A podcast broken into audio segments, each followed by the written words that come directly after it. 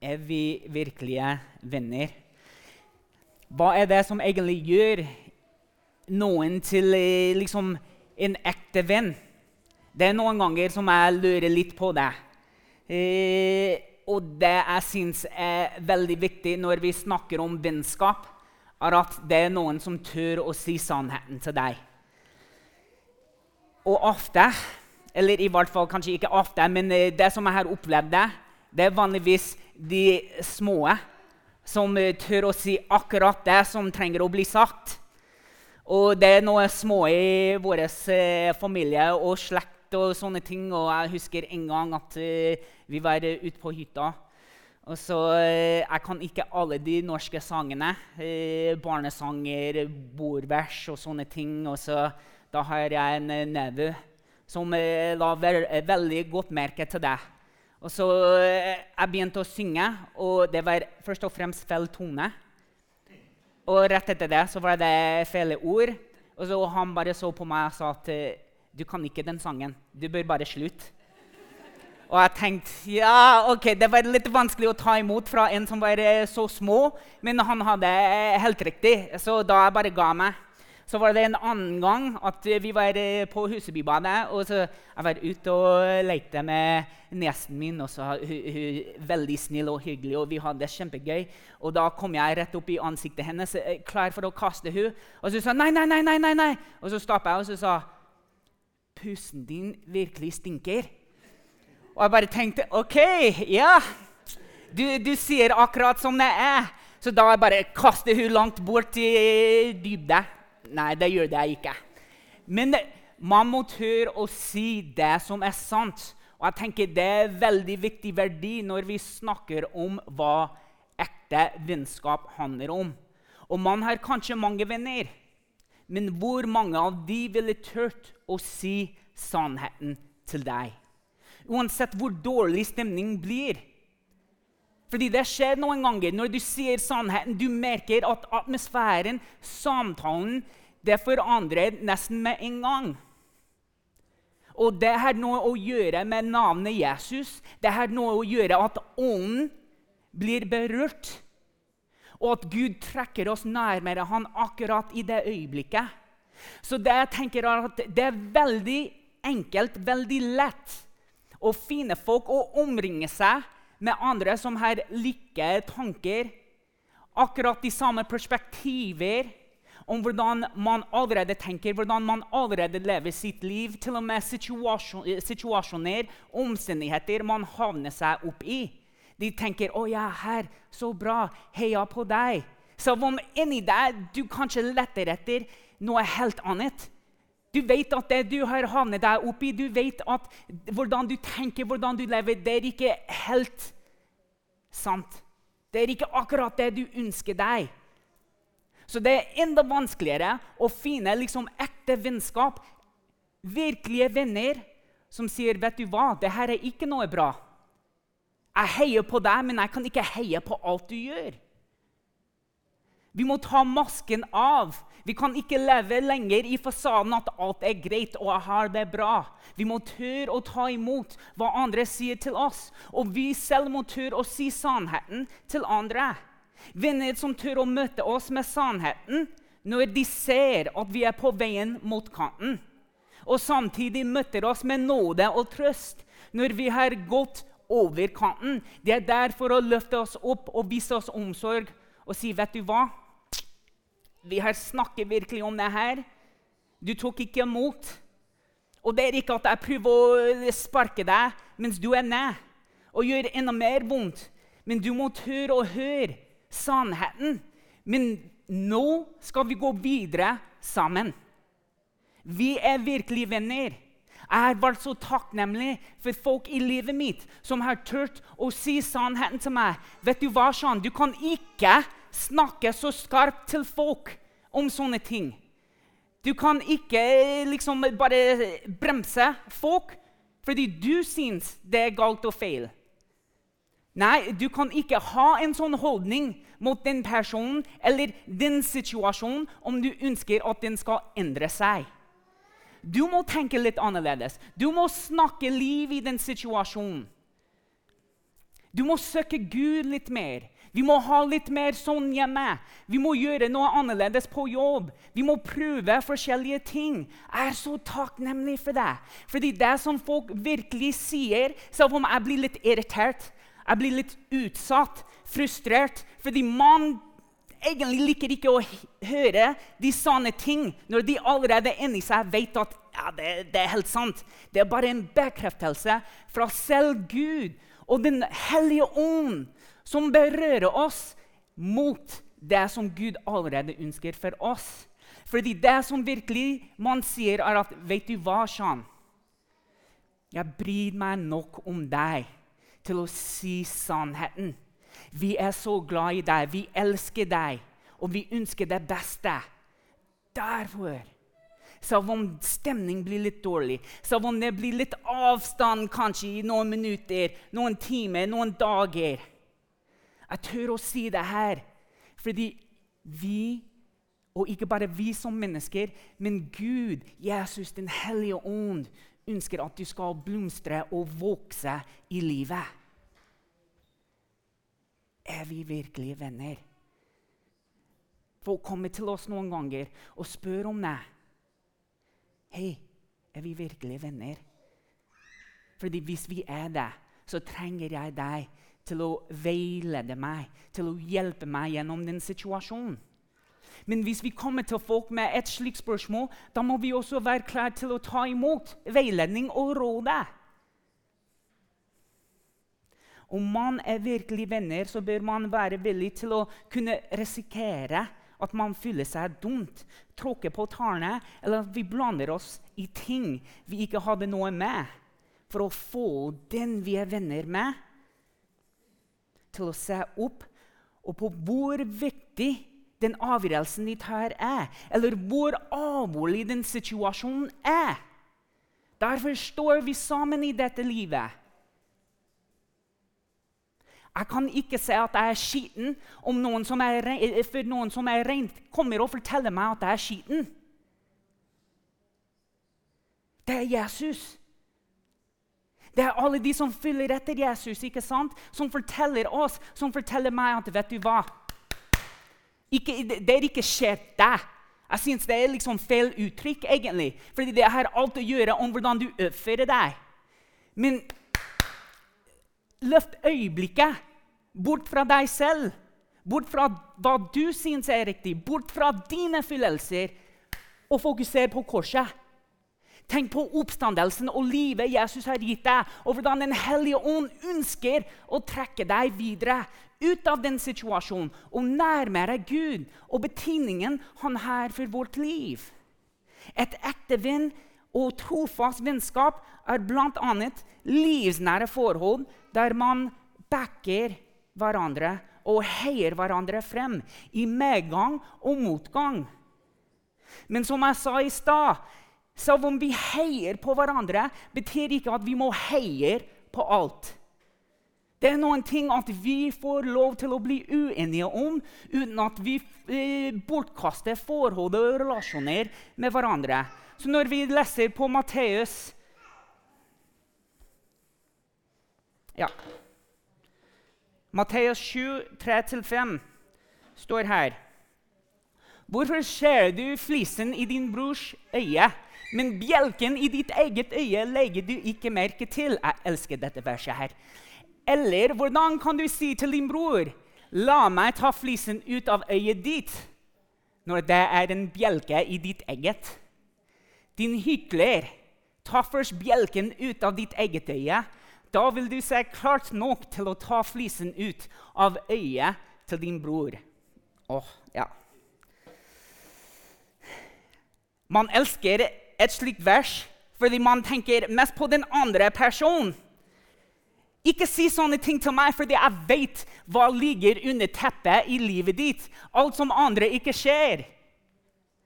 Så før du kommer hit og begynner å forklare hvordan jeg skal ordne opp i livet mitt, og hvordan jeg skal la Gud gjøre ting i livet mitt, la Gud gjøre noe i livet ditt. Ta bjelken ut av ditt eget øye. Men det som er så viktig, og det første ting vi må tenke når vi leser det verset, her, er at Gud han kaller oss først og fremst til å lede i vårt eget liv. Hvordan skal jeg lede mine venner? Hvordan skal jeg lede mine barn, min kone? Og motsatt.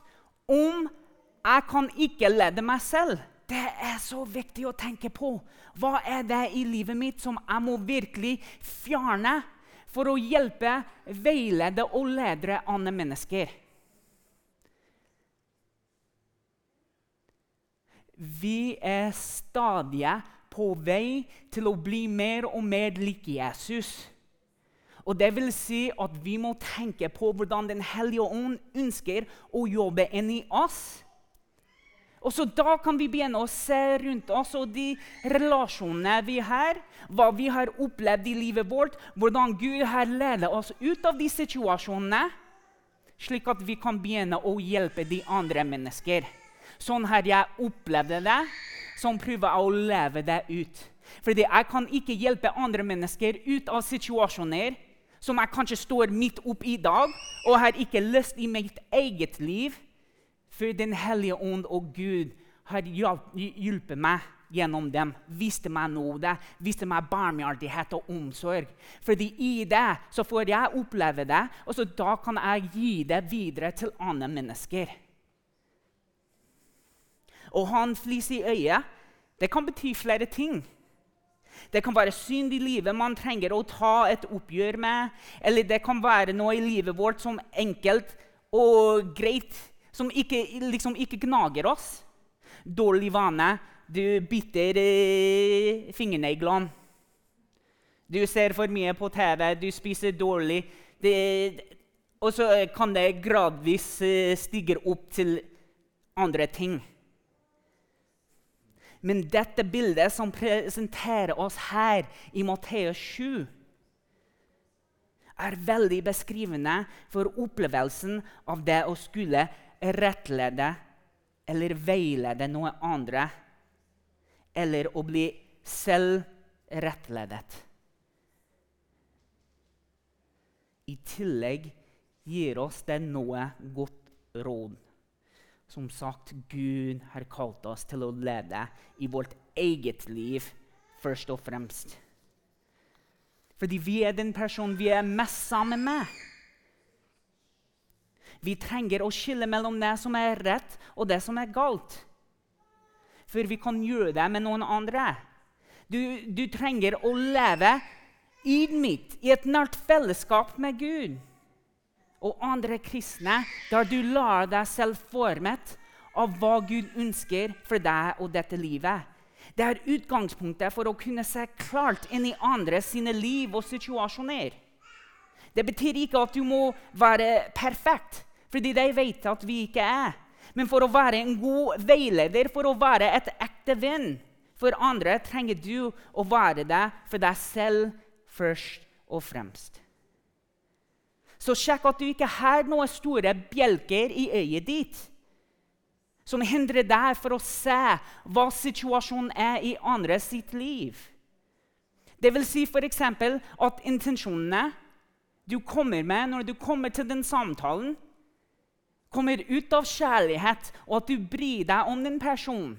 Når vi møter Jesus, så møter vi en som alltid kommer til en konflikt eller situasjon eller noen sitt hjem. Ut av kjærlighet, ut av eh, en tanke at jeg ønsker at de folkene her skal komme nærmere Gud. Det var aldri for at han skulle bygge selv opp. Det var aldri for å bygge sitt rike opp. Det var ikke det. Det var aldri for å manipulere noe andre. Det var alltid for den beste av de andre. Så før vi går og peker ut den flisen i noen andre sitt øye, må vi først veilede oss selv, se på bjelken i vårt eget øye og tenke hvorfor går jeg til den samtalen? Hvorfor peker jeg ut det som er i andre sitt liv? Vi er også kalt til å stå sammen for å hjelpe hverandre. Her er et par vers som bekrefter det for oss. Det er ikke bare om meg eller om deg, det er om oss. Derfor kaller vi liksom et stort fellesskap Vi er sammen, alle oss, hver søndag. Men det er også viktig for oss å koble til det små fellesskap, hvor vi kan gå dypere, hvor vi kan leve litt tettere på hverandre og ta opp sånne ting. Det er helt unaturlig, syns jeg, i hvert fall, å være nede på kirkekaffe og havne i en eh, dyp samtale om hva foregår i mitt liv eller ditt liv, og så begynne å eh, trekke ut hvordan du kan eh, gjøre ting bedre eller gi råd og sånne ting. Fordi det er så mange andre som er rundt omkring. Men når vi går i det små fellesskapet, når vi føler oss litt mer trygt og kan dele intimt med hverandre, da det handler ikke bare om meg eller deg, det handler om oss. Og hvordan vi kan veilede, rettesette hverandre i det gode liv som Gud ønsker for oss. Rettledning og veiledning skal alltid ha sitt utgangspunkt i Guds kjærlighet han har lagt ned i oss for hverandre. Hverandre, hverandre, hverandre. hverandre.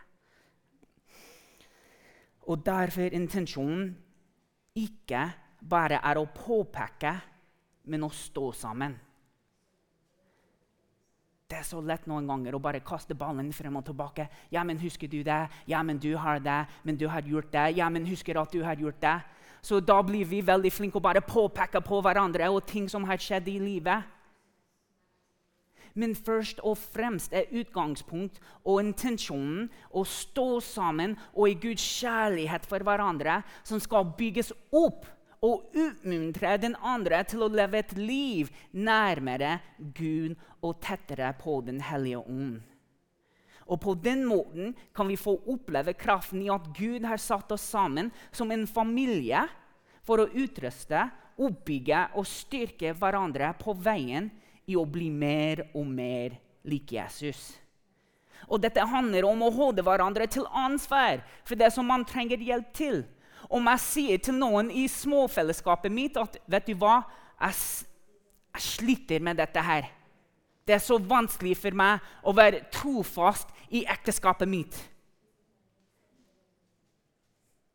Og Her er liksom et eksempel av ting som virkelig berører menigheten, som virkelig berører samfunnet. Og Hvis jeg kommer til noen og jeg sier det, og så fyller de ikke opp De bare hører hva jeg sier, men vi kommer ikke med noe eh, tiltak som vi kan gjøre, slik at ting blir bedre. Hvis jeg kommer til dem og sier sånne ting, og de tar ikke noe mer opp De vil ikke fylle opp og si 'Hei, hvordan går det? Har du prøvd det? Har du gjort det?'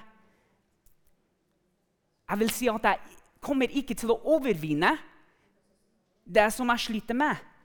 Til slutt blir jeg overvunnet. Fordi jeg står helt alene. Jeg står ikke sammen med noen andre. Det er ikke noe oppfølging.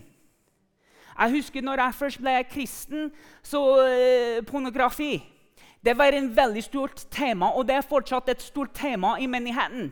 Det var ikke noe som jeg slitte med, men lederen vår han var veldig opptatt med det og så, så tydelig at det her skal vi ikke la skje. Så vi må stå sammen. Vi må gi e-postadresser. Her er noe eh, ting man kan gjøre for å unngå sånne ting. Og hver uke kan jeg love dere at jeg ble eh, ringt opp fra han. Jeg fikk en e-post. Hvordan går det med, med det her? Går det bra? Og det var ikke bare med meg, det var med de fem, seks, sju andre som var med i gruppen. Her snakker vi om oppfølging. Han ville at vi skulle overvinne den fristelsen. Hvordan kan vi overvinne det vi sliter med? Hvordan kan vi overvinne fristelsen vi opplever i dette livet? Hvordan kan vi overleve de tøffe kampene vi går gjennom i dag? Det er når vi står sammen, det er når folk fyller opp med oss, det er når vi tør å stille spørsmål, det er når vi tør å ta imot råd fra andre mennesker om hvordan vi kan overleve, overvinne hverdagen. Vi må tørre å stille hvordan det går med hverandre. Og vi må være klar for å løfte og bære hverandre frem.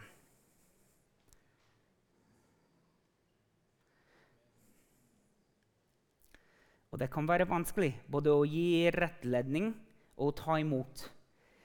Vi er så klart aldri ute etter å såre hverandre. Det er ikke utgangspunktet. Husker du utgangspunktet er Guds nåde og Guds kjærlighet han har fylt oss med for hverandre? Men det kan skje alle likevel. At andre har verdens beste intensjoner, er ingen garanti for at vanskelige følelser ikke kommer når man blir korrigert. Det er ikke behagelig å ta ut en flis fra øyet. Man vet hvor vanskelig det kan være å ta ut fra bare tåa eller fingrene. Tenk på øyet. Prosessen med å ta den ut kan kanskje være mer smertefullt enn å ha den der. Men man lar ikke flisen stå i øyet i frykten for smerten ved å ta den ut. Nei, fordi man vet at konsekvensen av å ikke ta ut flisen kan bli alvorlig. Og så vet man at friheten og lettelsen det er å få den ut, er verdt smerten. Vi leser i ordspråkene De sårene man får av en venn, er gitt i trofasthet. Og derfor la oss være rause med hverandre rause om noen kommuniserer litt dårlig. Eller kanskje bare annerledes enn du selv ville kommunisert det. Rause om du skulle bli såret. Rause når kjærligheten og omsorgen i, redning, i rettledninger er litt for godt pakket inn.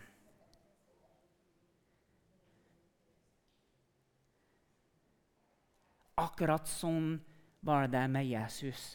Akkurat sånn er det med oss som er hans etterfølgere. Jesus var en trofast venn.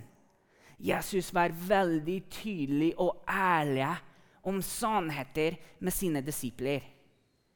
Noen ganger når jeg har lest noen av Jesus sine sitater, så må jeg innrømme at jeg har hatt eh, den tanken at Oi, ja, du går rett til saken.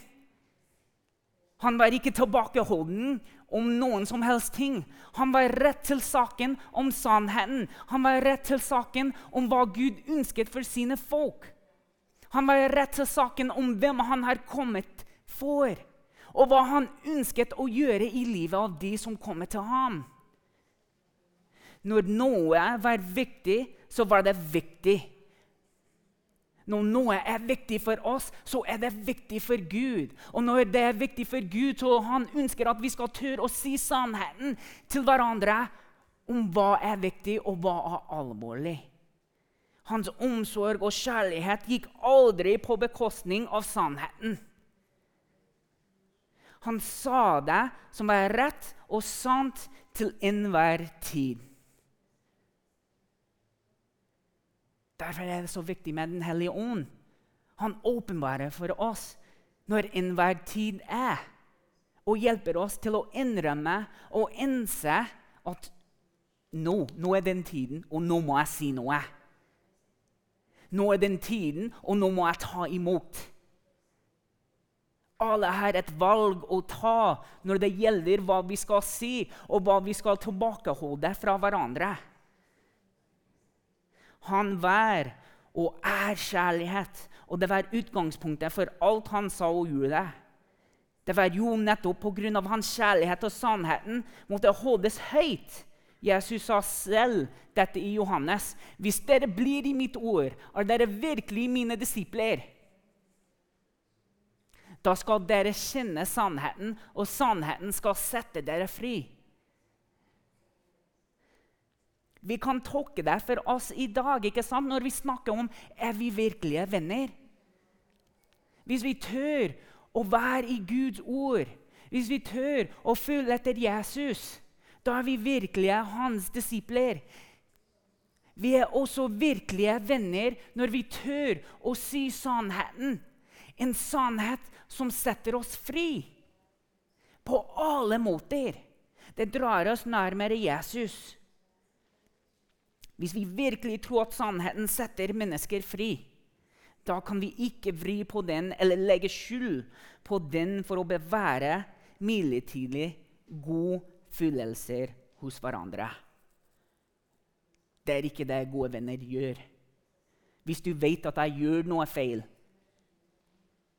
så setter jeg stor pris om du sier 'Det var ikke bra, det'.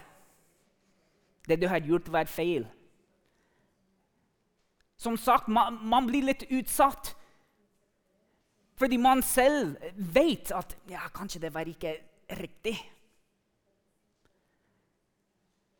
Men hvis vi tør å ta imot, hvis vi tør å velge at det den andre har sagt, det er ut av kjærlighet Den kjærligheten som Gud har fylt dem med, den kjærligheten Gud viser oss gjennom dem, da tør vi å ta imot rådet, da tør vi å ta imot budskapet og bli trykket nærmere og nærmere Jesus' sannhet for oss og livet.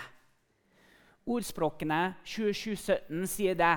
Som jern kjøper jern, slik kjøper en mann sin venn. Også et vers som jeg setter høyt i vers som jeg liker. Sammen er vi kalt å slipe hverandre. Få frem det beste i hverandre. Hjelpe hverandre til å leve i den friheten Gud har kalt oss til å bli mer og mer lik Jesus som vårt forbilde i alle ting. Hver og en av oss helt avhengig av Guds nåde i den prosessen. Så vi har Gud som kaller oss til å først og fremst lede selv. Til å være den personen som Gud ønsker oss å være før vi går ut og begynner å hjelpe andre. Så har vi Jesus som en trofast venn som viser oss hvordan vi skal ta vær på andre mennesker. Og så har vi Den hellige ånd, som også en trofast venn. Og Jeg mistenker at de fleste av oss kunne godt ønske seg å dele litt mer av livet vårt med hverandre. Det vil jeg godt tenke meg. Vi ønsker å dele noen av de tingene som vi sliter med. Noen av de tunge byrder men så sitter vi med tanken at hvis jeg er helt ærlig om hva jeg tenker, hvordan jeg føler meg, det som jeg har gjort, så er alt ferdig. Jeg blir fullt dumt. Jeg må skjule meg, jeg må trekke meg ut. Ingen vil snakke med meg mer. Så da går vi rundt med masken igjen. Fasaden at alt er greit. Jeg må bare skjerpe meg. Jeg må bare ordne opp i livet mitt. Jeg må bare ordne opp i situasjonen. Trenger ikke å dele det med noen andre. Og hele veien så hører vi Den hellige ånd, som er veldig stille, sikkert. Og fordi nå har vi gått litt langt fra troen, nå har vi gått litt langt fra de andre, så da blir stemmen litt vanskeligere og vanskeligere å høre. Men den ånden forteller oss at nei, bare si noe. Bare få litt hjelp. Kom tilbake til meg. Kom tilbake til Guds menighet. Kom tilbake til Guds folk. Avsløre litt av det du opplever. Det er andre som kan hjelpe bære de byrdene. Det er andre i Guds rike som kan bygge deg opp. Andre som kan sette deg fri i Jesu navn. hvis du finner deg selv i den båten, og du føler at du blir dømt for det du har gjort, eller tenker, tenker noe lignende Hør nå. Det er helt urelevant å snakke om at noen er bedre eller dårligere enn andre mennesker. Fordi det handler ikke om hvem er best. Alle er synder. Alle trenger Guds tilgivelse, Guds nåde, Guds oppstandelse. Vi er alle avhengige av Gud. Vi rettleder ikke hverandre fordi vi vet at vi er bedre enn en person, men fordi vi vet selv at Gud har hjulpet oss ut av en liken situasjon. Og nå har han sett oss i den andre sitt liv for å hjelpe dem ut og sette dem fri. Og la Jesus ta rattet og kjøre bilen mot den friheten. Jeg må hver dag velge å tale vel om meg selv og de rundt meg. Fordi sannheten ut ifra Bibelen er at tungen har stor makt. Og vi må passe på at det, vi, at det ikke kommer fersk vann og saltvann ut fra det samme kildet. Det er bare det ferskvannet som lever i oss.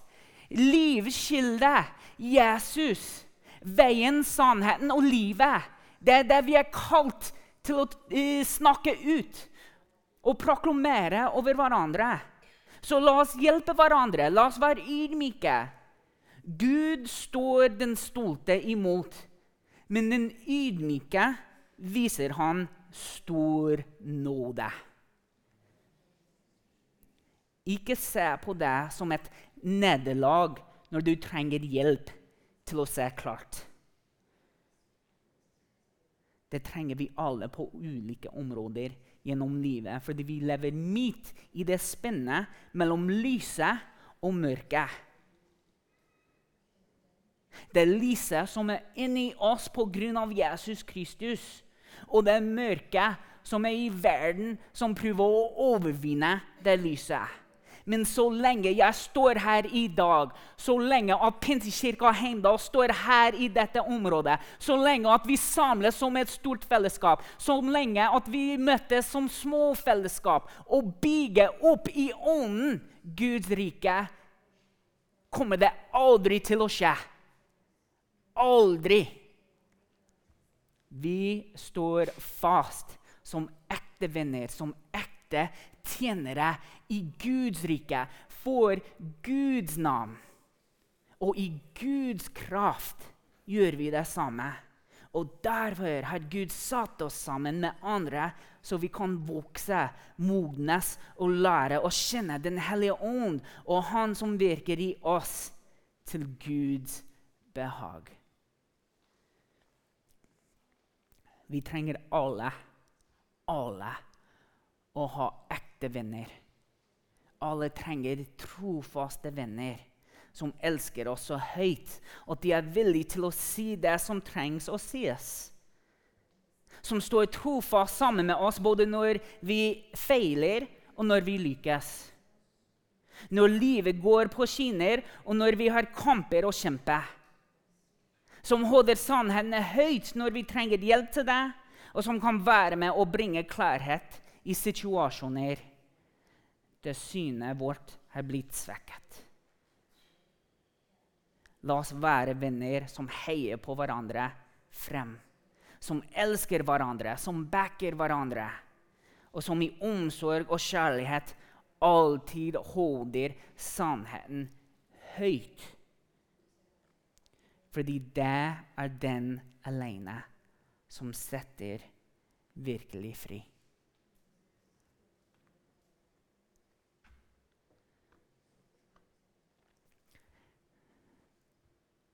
La oss be. Jesus, vi takker deg for at du har satt oss fri. Takker deg for at du har kalt oss til å si sannheten. Den hellige ånd, jeg ber at du veileder oss i vårt eget liv for å se det som trenger å fjernes, for å se hvor vi trenger andres hjelp.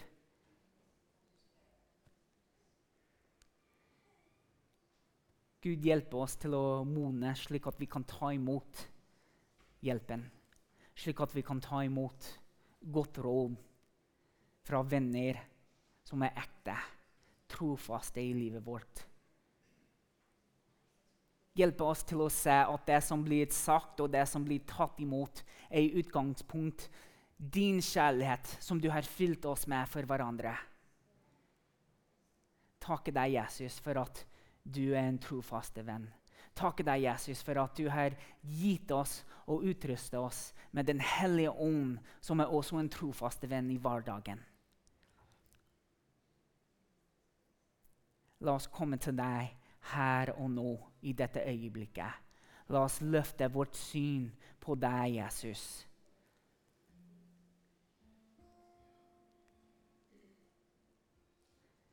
Hvis du er her i dag og du kjenner deg igjen i noe som helst som har blitt sagt,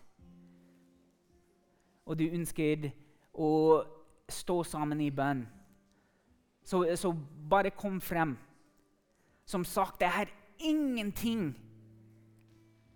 med å si at 'jeg er bedre', og 'jeg har det dårlig', eller Nei. Alle er samlet i dag i troen på at Gud er her, at Den hellige ånd vil møte oss her. Så nå må vi eh, tørre å møte Han. Så nå må vi tørre å legge byrdene ned. Nå må vi tørre å ta masken og gå bort fra fasaden at alt er greit. Vi er samla her i Jesu navn, i Guds kraft, for å bli satt fri. I Jesu navn. Amen.